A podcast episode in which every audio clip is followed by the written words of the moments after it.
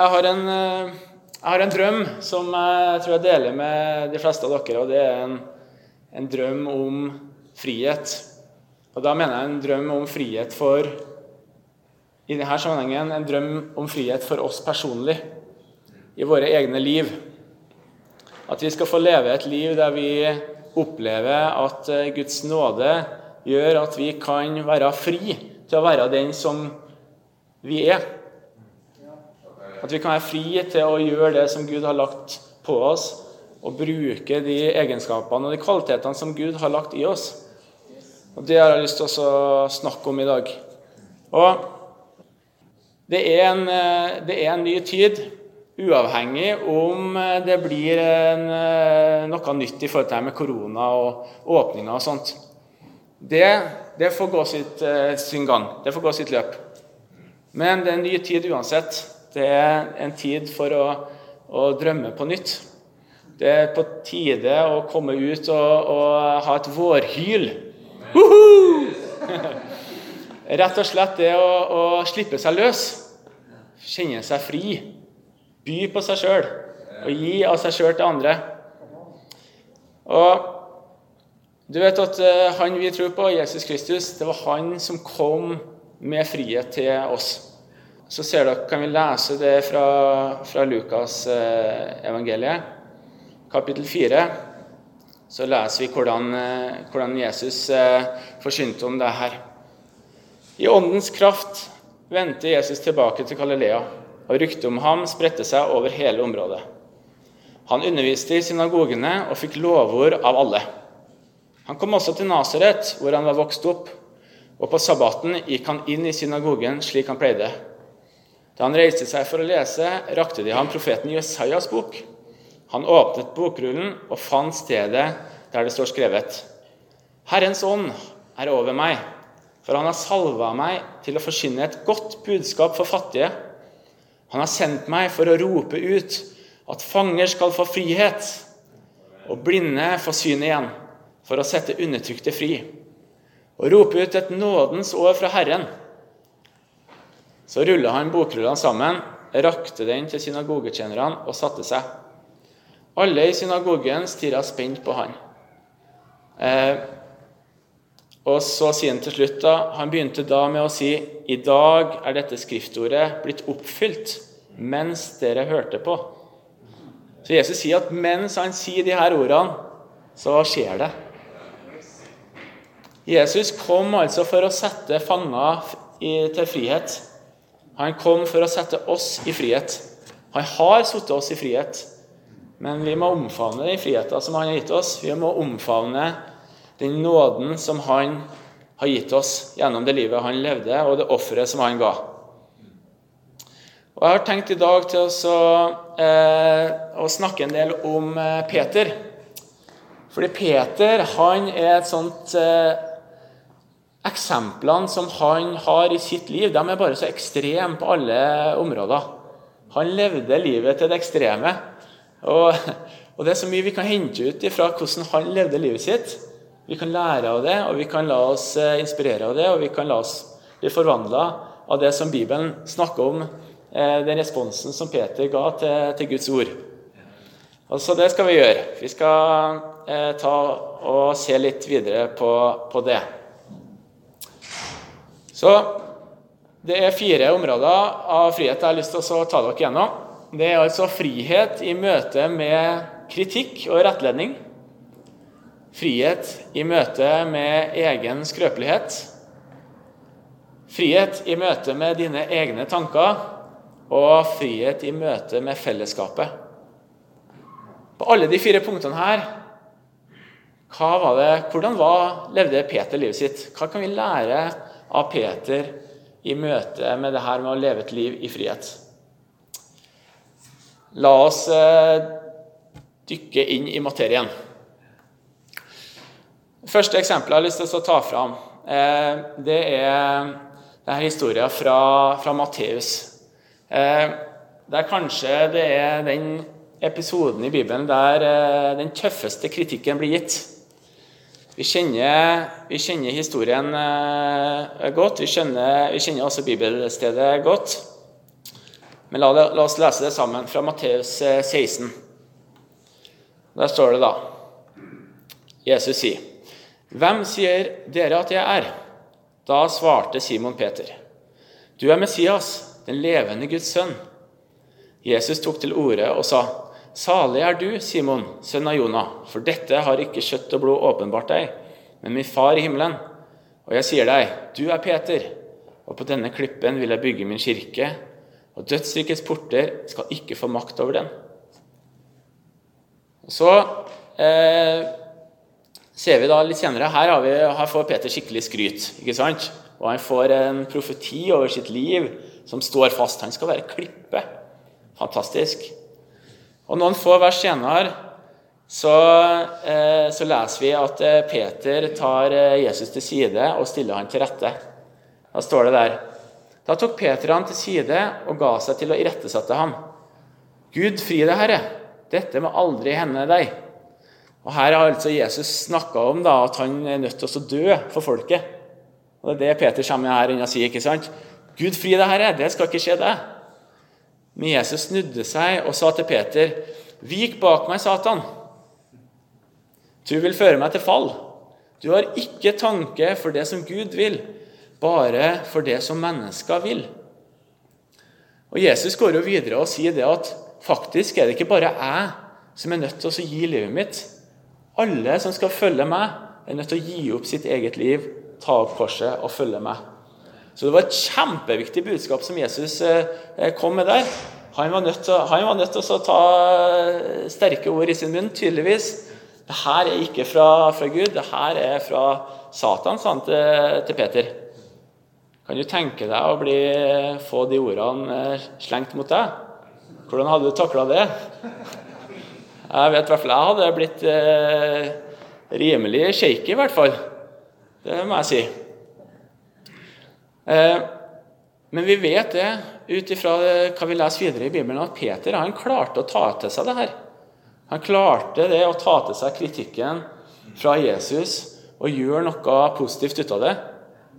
Han lot seg ikke kue og bli bare nedtrykt av det, men han gikk videre. Jeg har lyst til å gi dere noen eksempler fra, fra mitt eget liv i forhold til det her med kritikk og, og kritikkhåndtering. Og Det første eksempelet det var for eh, ja, nesten 20 år siden. Jeg var med på en eh, en leir, en fotballeir. Jeg var en av lederne der. Og eh, alle på det ene laget skulle få på seg gule vester. Det var greit. Mens jeg og en kamerat da, som var ledere, vi tenkte nei, vi trenger ikke gule vester. Vi har ikke lyst til å ha på vestene våre fordi vi har lyst til å benytte anledningen til å bli litt brun. Og eh, Vi spilte fotball med gjengen, og alt var greit. Og så kom vi da tilbake til leirstedet etterpå. Og Da var det en av lederne som trakk oss to til side, og så sa han det at det der var ikke greit. det dere gjorde der. Og Jeg reflekterte litt over den kritikken som jeg fikk der. Og jeg syns den kritikken var betimelig. Det var på sin plass. Det var helt greit. Men han, eh, han, lederen som eh, la fram den kritikken til oss, han la ikke den fram på en, på en måte som gjorde at vi klarte å ta det til oss. Og så det som vi endte med, at vi, vi fikk høre det, vi ble fornærma istedenfor at vi klarte å gjøre noe positivt ut av det.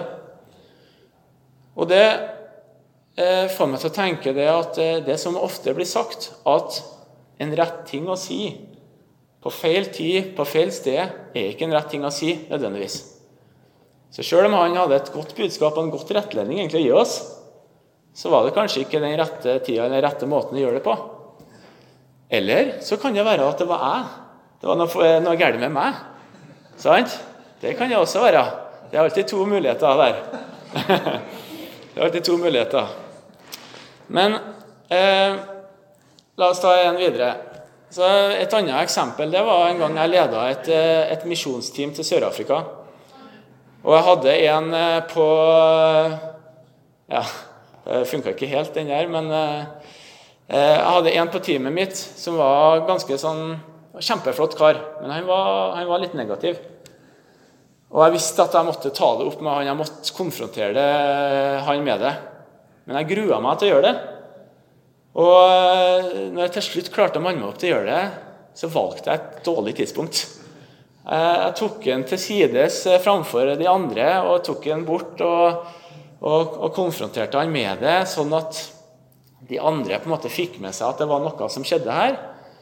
Jeg fikk sagt det jeg skulle si, men det ble dårlig stemning ut av det. Og Det endte opp med at jeg måtte på et senere tidspunkt gå tilbake til han og, si, og be om tilgivelse for måten jeg hadde gjort det på. Budskapet var riktig, men måten jeg gjorde det på, var feil. Et annet kjapt eksempel som jeg også har fra der jeg gjorde det her på en rett måte, det var en gang for ikke så lenge siden på, i arbeidssammenheng. Og Der var, hadde jeg en kollega, og eh, jeg retta på en måte arbeidet som han gjorde. og Hver gang så var det mange småfeil i det arbeidet som han gjorde.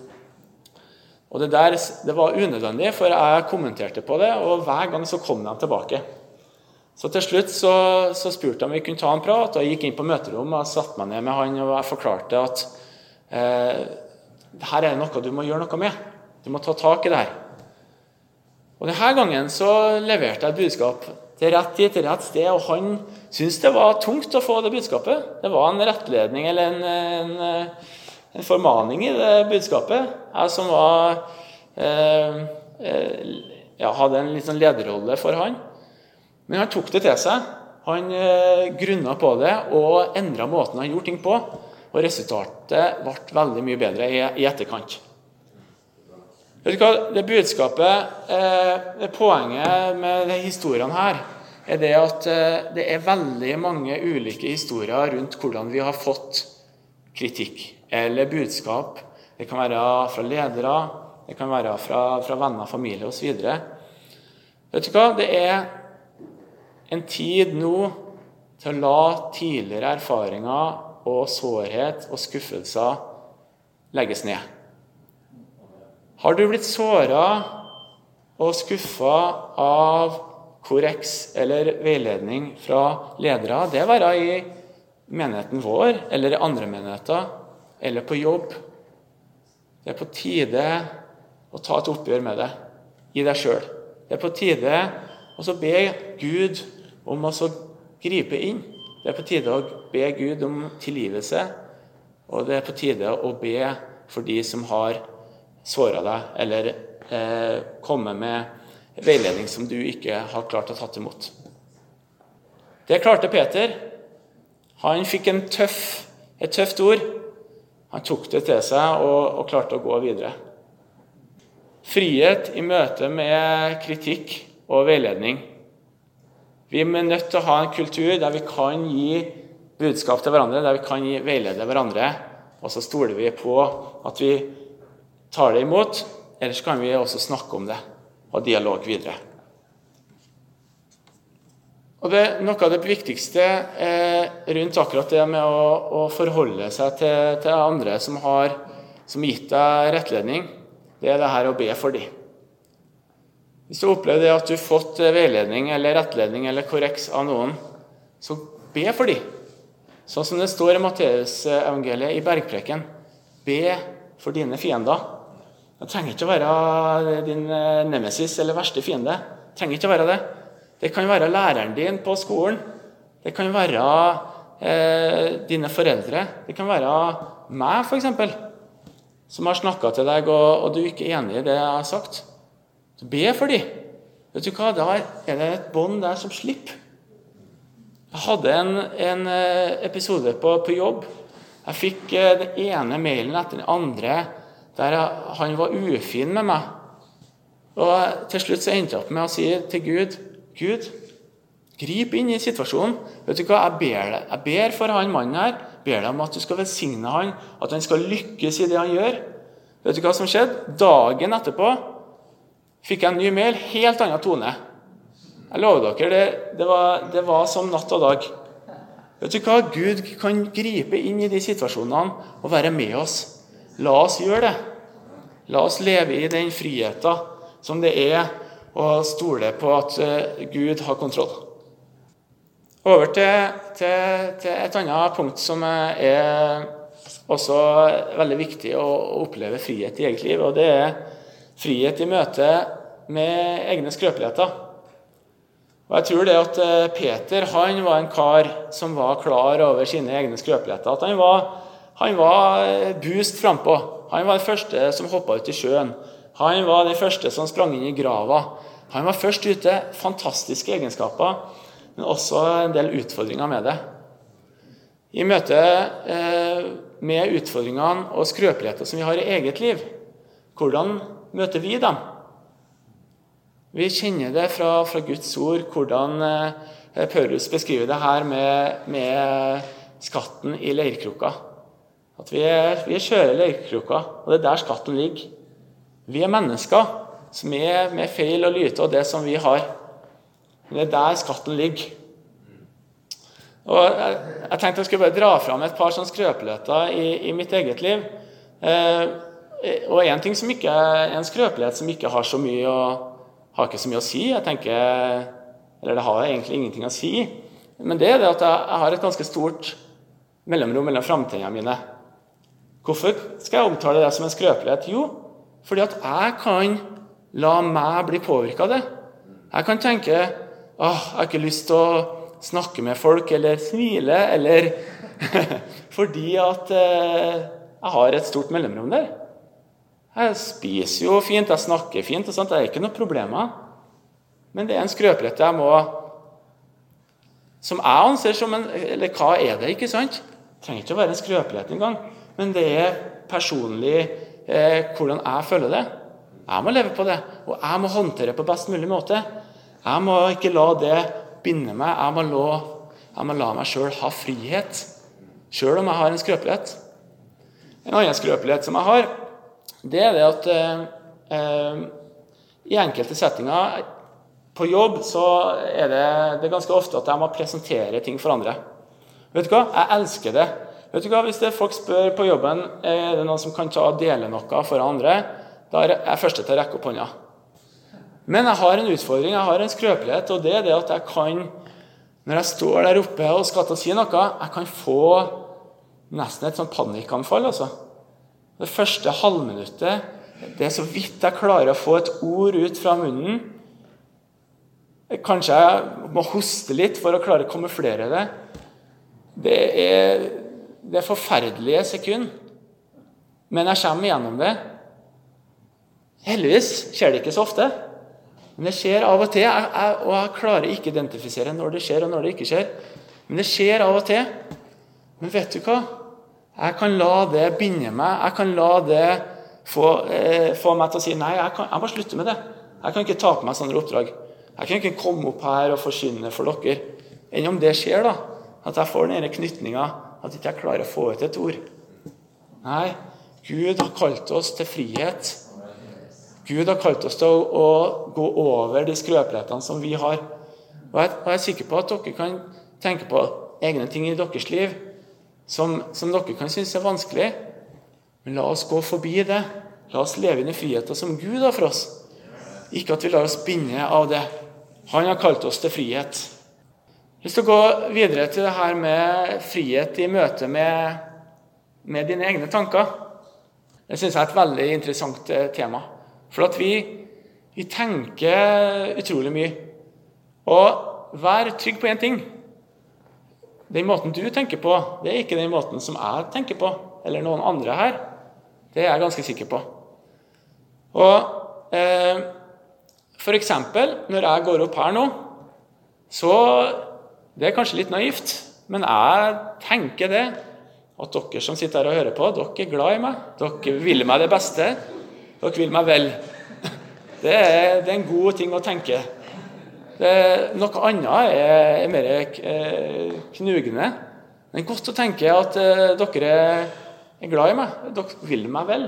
Derfor så kan jeg være frimodig med det jeg deler.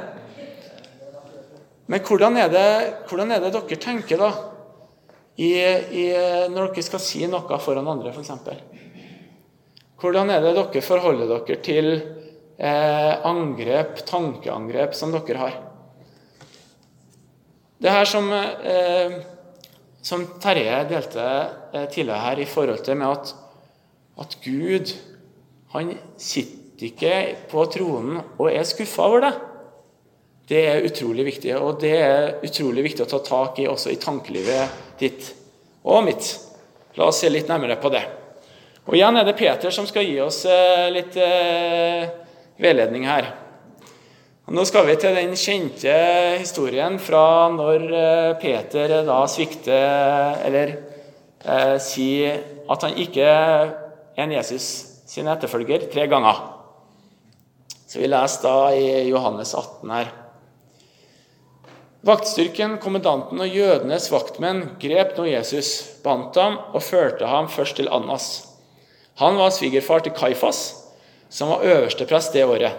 Det var Kaifas som hadde gitt jødene det rådet at det var best om ett menneske døde for folket. Og det med, akkurat det med Kaifas den refererer da til Johannes 11, som dere ser under. Som det står da En av dem, Kaifas, som var øverste prest det året, sa da dere skjønner ingenting. Dere tenker ikke på at det er bedre for dere at ett menneske dør for folket, enn at hele folket går til grunne. Bare en liten sånn sidenote da, til det jeg snakker om nå. Hvilken rolle var det Kaifas hadde i korsfestelsen av Jesus? Det er faktisk veldig interessant. Hva er det Gud har bedt Kaifas om å gjøre? Det lurer jeg på. For Tidligere så sier han det her. Han har skjønt det. Det, må, det er et menneske som må dø for folket. Og Nå er det Jesus da som kommer til Hannesborg, og Jesus blir sendt videre fra han til Pilatus. Det kan dere se nærmere på sjøl. Men vi er litt interessert i han Simon Peter nå. Så Simon Peter og en annen disippel fulgte etter Jesus. Denne andre disippelen kjente øverstepresten. Han kom inn på gårdsplassen foran øversteprestens bolig sammen med Jesus, mens Peter ble stående utenfor ved porten. Disippelen som kjente øverstepresten, gikk ut og snakka med tjenestejenta som vokta porten, så Peter fikk komme inn. Da sa tjenestejenta til Peter, 'Er ikke du også en av disiplene til denne mannen?' 'Nei', svarte han. 'Det er jeg ikke.' Det var kaldt, og tjenerne og vaktene hadde tent et bål og sto og varmet seg ved glørne. Peter sto også og varmet seg sammen med dem. Og Så følger det videre i, i Johannes der eh, det eh, for, altså forhøret med Jesus. Og Så kommer vi tilbake da, til Simon Peter igjen, der det står da Imens sto opp Simon Peter og varma seg. Da sa de til ham, 'Er ikke du også en av disiplene hans?' Men han nektet og sa, 'Nei, det er jeg ikke.' En av øversteprestenes tjenere, en slektning av ham som Peter hadde hugget øret av, sier, Så ikke jeg deg i hagen sammen med ham? Men Peter nektet igjen, og straks gol hanen. Så Det var altså tredje gangen da at Peter da fornekta Jesus der. Hva, hva, slags bilde har dere av, i hodet av hvordan det her foregikk? Jeg tok og sjekka opp Jesus-filmen som ligger ute på YouTube. Eh, og det her er da det Ser dere det bedre enn meg? Ja. Det her er da bildet som kommer på den filmen. Peter står der og har fornekta Jesus for tredje gang. Så sitter Jesus på plassen. Og neste bilde så er det der blikket da mellom eh, Peter og Jesus. Et, et blikk Hvordan vil dere tolke Jesus sitt blikk der? Jeg vil si at det er ganske mye sånn Uff, jeg er skuffa over deg, Peter. Nå må du, du må skamme deg, Peter. Og Av og til så tenker jeg at eh, I hvert fall kan jeg tenkt det før, at det er litt sånn Jesus gjør når vi synder mot han, eller gjør feil. Men er det sannhet, da? Jeg tror ikke det, altså. Vet du hva? Eh, selve bibelhistorien sier jo ingenting om at Jesus og Peter så hverandre i det hele tatt i denne seansen. Det er det ene. Det andre er jo det at eh, Bibelen snakker utrolig lite om skuffelser. Faktisk så, Når jeg sjekka det opp, så er det vel tre ganger ordet, det ordet eller ordbruken blir brukt. Den ene gangen er i Jobbs bok, når noen blir skuffa over å ikke finne vann når de går ut i ørkenen. Det er forståelig. En annen gang i Jesajas bok, når, eh, når, det står det at eh, den som har sitt håp i Herren, Han skal ikke bli skuffa. Det står ingen plass som jeg har funnet, at Gud, Jesus, er skuffa over sitt folk. Han er sint. Han er streng. Men skuffa? Jeg tror ikke det. Fordi skuffelse, det å være skuffa på noen, det bringer ofte med seg også mye skam. Der, og på det bordet er ikke, er ikke, er ikke Gud. Vet du hva? Eh, jeg har trua på det at eh, vi skal gripe tak i en frihet fra, fra Gud som sier at vi trenger ikke å skamme oss over det livet som vi lever. Vi er frelst. Vi er i Guds hånd. Vi er Guds barn. Der er vi.